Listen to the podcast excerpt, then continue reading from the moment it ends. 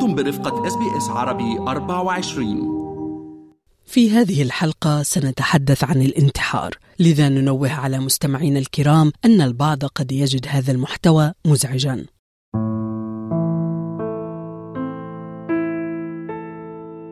I was alone in my apartment. I realized that nothing had changed and I was still feeling really low and that I had spiraled out of control.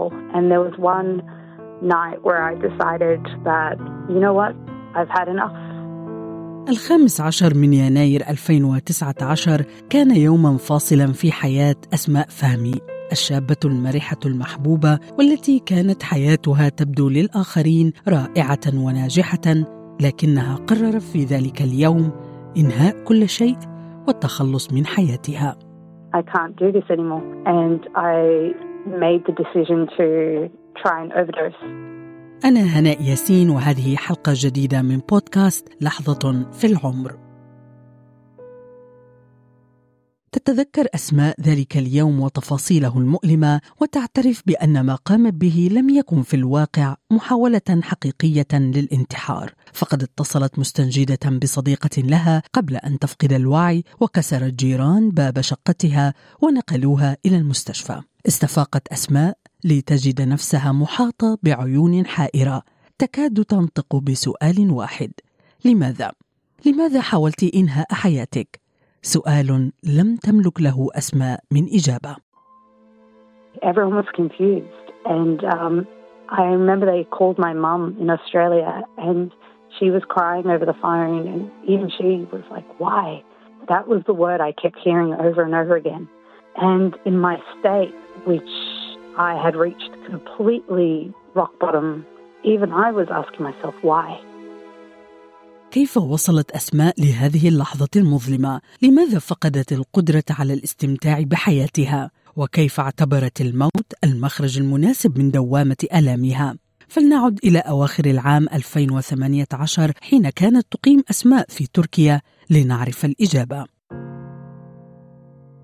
Basically, a tragedy happened while Kenneth Sadnehnik, one of my friends, had passed away, and I was with her on the night. I remember one of my friends saying to me, Are you going to be okay the day after? I remember thinking to myself, No. هلا I'm fine بس بعدين يعني give me a couple of months um, I'm not going to be fine. I knew it. I had a feeling at the time.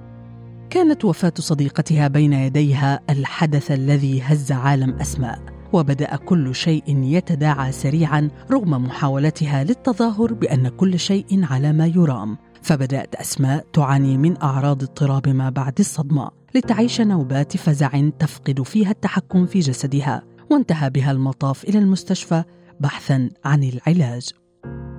I was saying something, my brain was saying something, but my body started to behave very differently to how I was feeling. You know, I was telling people I was okay, but at the same time, I was having panic attacks. I was going into convulsions at times. And then they decided to send me to a hospital to get treatment to deal with basically trauma, PTSD, and all the other things that come along with experiencing a tragedy. وتم تشخيص أسماء بالاكتئاب ولكنها ظلت تصارع للإبقاء على صورة لحياتها وصفتها بالخادعة. فكانت تشعر بأنها في هوة عميقة محاطة بالأفكار المدمرة. وظل عقلها يؤكد لها مرارا لا أحد يحبك لا أحد يهتم بك أنت لا قيمة لك. حتى صدقت أسماء هذه الأوهام التي لم تستطع أن تسيطر عليها. Even with the depression, I was still going to work every day. I was still trying to live another life that was totally fake. that wasn't how, it wasn't my authentic self. And eventually it, all caught up with me. The lie caught up with me. And I started to have panic attacks at work and I started to experience, you know, the after effects of trauma. And so that's when I realized that I was in a, I was in a deep hole. When you're in a state of major depression, you can't. There's no logic. You can't just say, "Oh, I'll just go see a doctor," or "I'll just do this," or "I'll just do that." When the thoughts in your head are constantly telling you that you're not good enough, you're not worthy, no one loves you, no one cares for you. you know, you're pointless, you're this, you're that. And it's just constantly negative thoughts in your head. You start to believe it.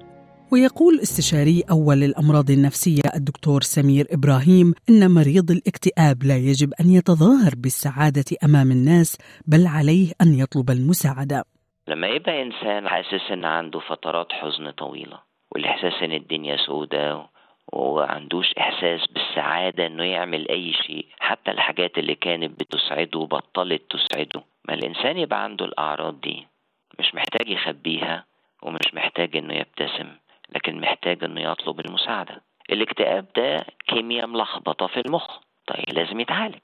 طب بنعالجها بإيه؟ بكيمياء اللي هي الدواء. وتتعالج بحاجات تانية كتير منها الجلسات النفسية وهي مهمة جدا. لما يبقى الكيمياء ملخبطة واسيبها ملخبطة تعمل إيه في المخ؟ تزيد. وبدل ما يبقى درجة بسيطة يبقى درجة متوسطة أو درجة شديدة لغاية ما يوصل إلى فكر السوداوي جدا اللي هو بتاع الانتحار لم يكن طلب المساعدة النفسية خيارا مطروحا أمام أسماء في ذلك الوقت فهي لم تنشأ في بيئة تستوعب أهمية الصحة النفسية وكانت كالكثيرين من أبناء مجتمعها تربط المرض النفسي أو العقلي بالجنون It wasn't a thing in our community. I remember even when somebody would tell me they were seeing a therapist, I remember even thinking, wow, you know, like that was a big deal. Because mental health, unfortunately, in our communities, when people think of mental health, they think mental illness. They don't realize that mental health is as important as your physical health. It's just the well-being of your mind and, and your mental state. And people automatically link mental health to being crazy or being someone to be scared of or wary of. But really, we've all got mental health. Everyone has mental health, and we all have a responsibility to look after it. And I didn't grow up knowing that. I didn't grow up learning about mental health, about how to handle and, and cope with traumatic events and things that happen in life, you know, grief, etc. And at that time, um, I wasn't going to see a therapist. I wasn't doing what I needed to do. And then I started to experience major depression.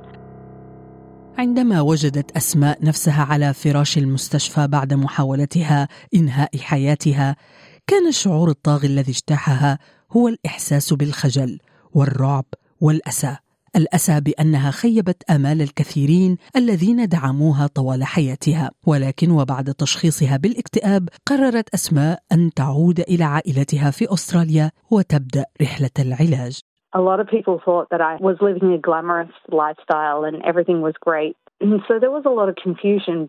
But after realizing that I was suffering from major depression, I, I guess it was sobering seeing so many people who love me come to my aid and just and just show so much concern that that was what I needed, I guess, as well to see that the thoughts in my head were not accurate. I decided that I needed to go back to my family and I needed to actually finally deal with the issues that I'd been facing over the last the last two years.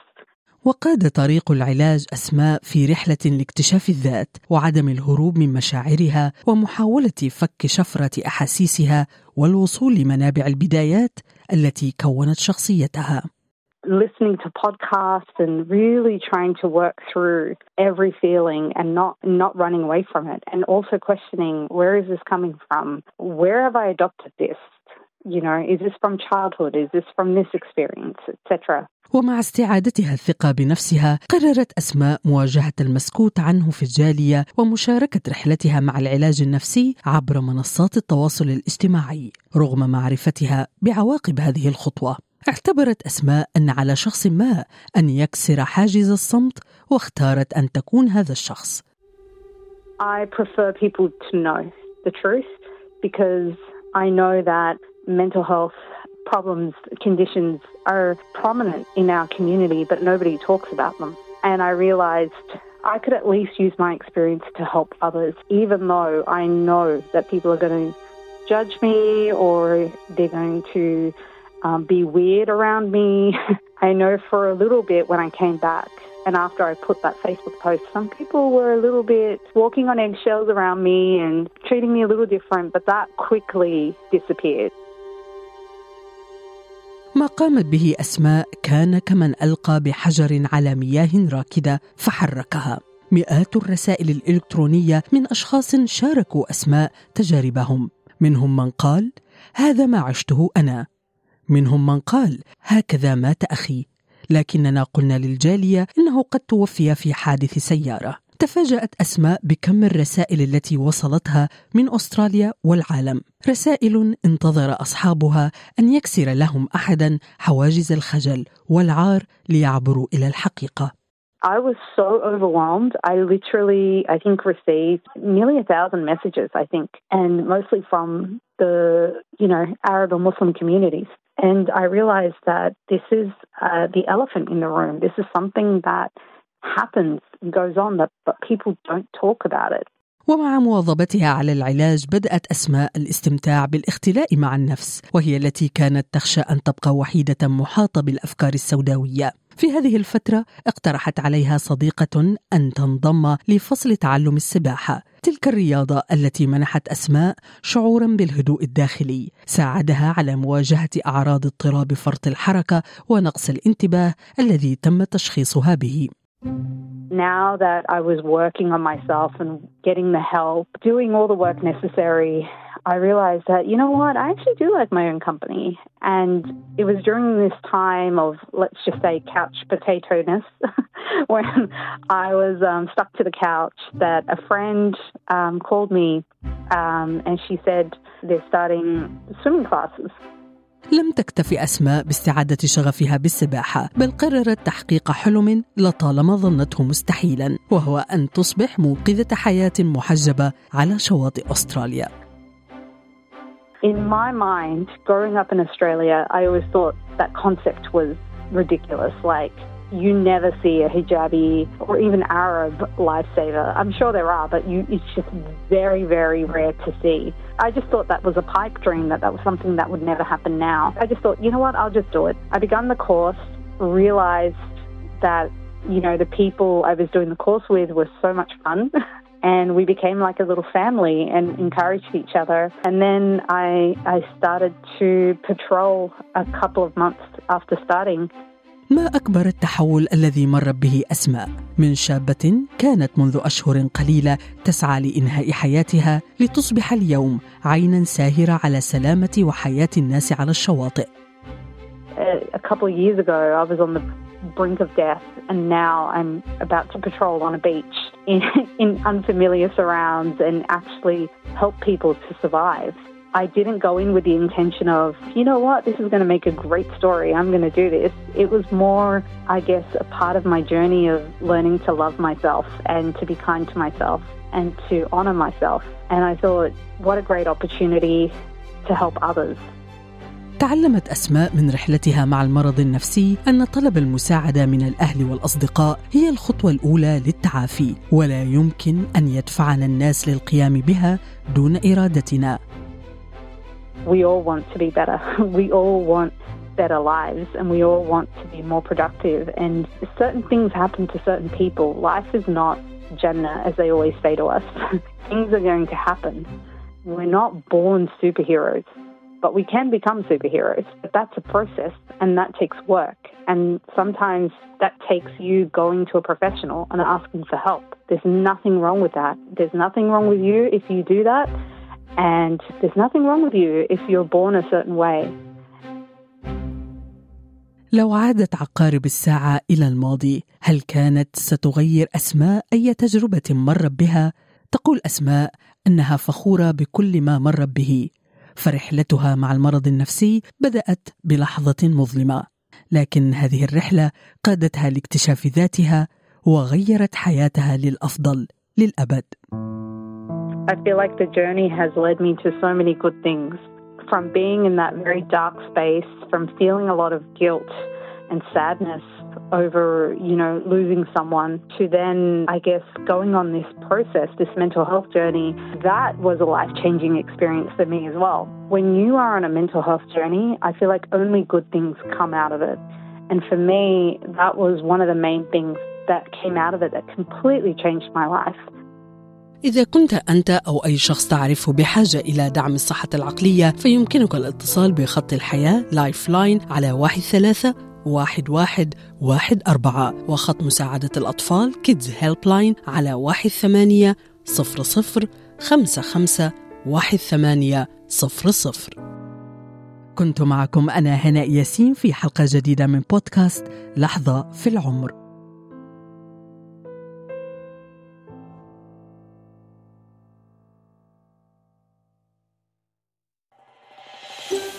هل تريدون الاستماع إلى المزيد من هذه القصص؟ استمعوا من خلال Apple Podcast، Google Podcast، Spotify أو من أينما تحصلون على البودكاست